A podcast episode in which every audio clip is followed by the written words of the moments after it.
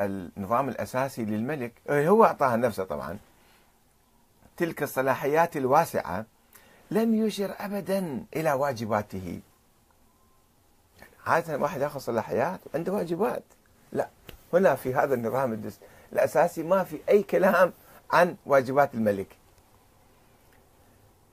واحد يتحدث عن الإله ويعطي واجبات الإله ما يصير هذا إله. ولم يسمح بإخضاعه لأي نظام لأي نظام محاسبة أو مساءلة. حتى سؤال ممنوع. كما هو الحال في الدستور الإيراني مثلا كما رأينا أو سنرى إن شاء الله. مما كرس الانفراد المطلق للملك في الحياة السياسية. شخص واحد. وحافظ على صيغة النظام الملكي المطلق التي كانت قائمة فعلا منذ تأسيس النظام السعودي في مطلع القرن العشرين. ولم يوضح النظام الأساسي طريقة عزل الملك في حالات العجز أو سوء التدبير أو الانحراف.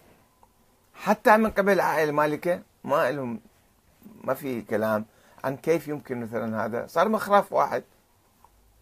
أي ملك يمكن يخرف في يوم من الأيام؟ فيقال لا هذا يبقى حتى المخرف هو يحكم.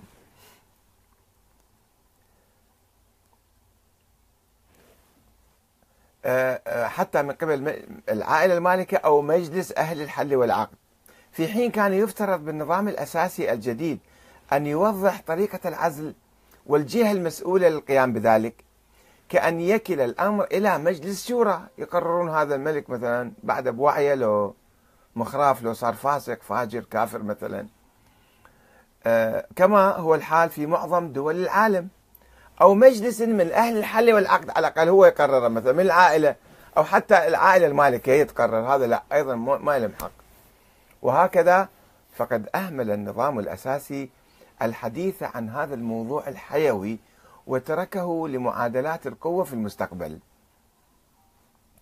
يعني مثلا فصل أو عزل الملك سعود.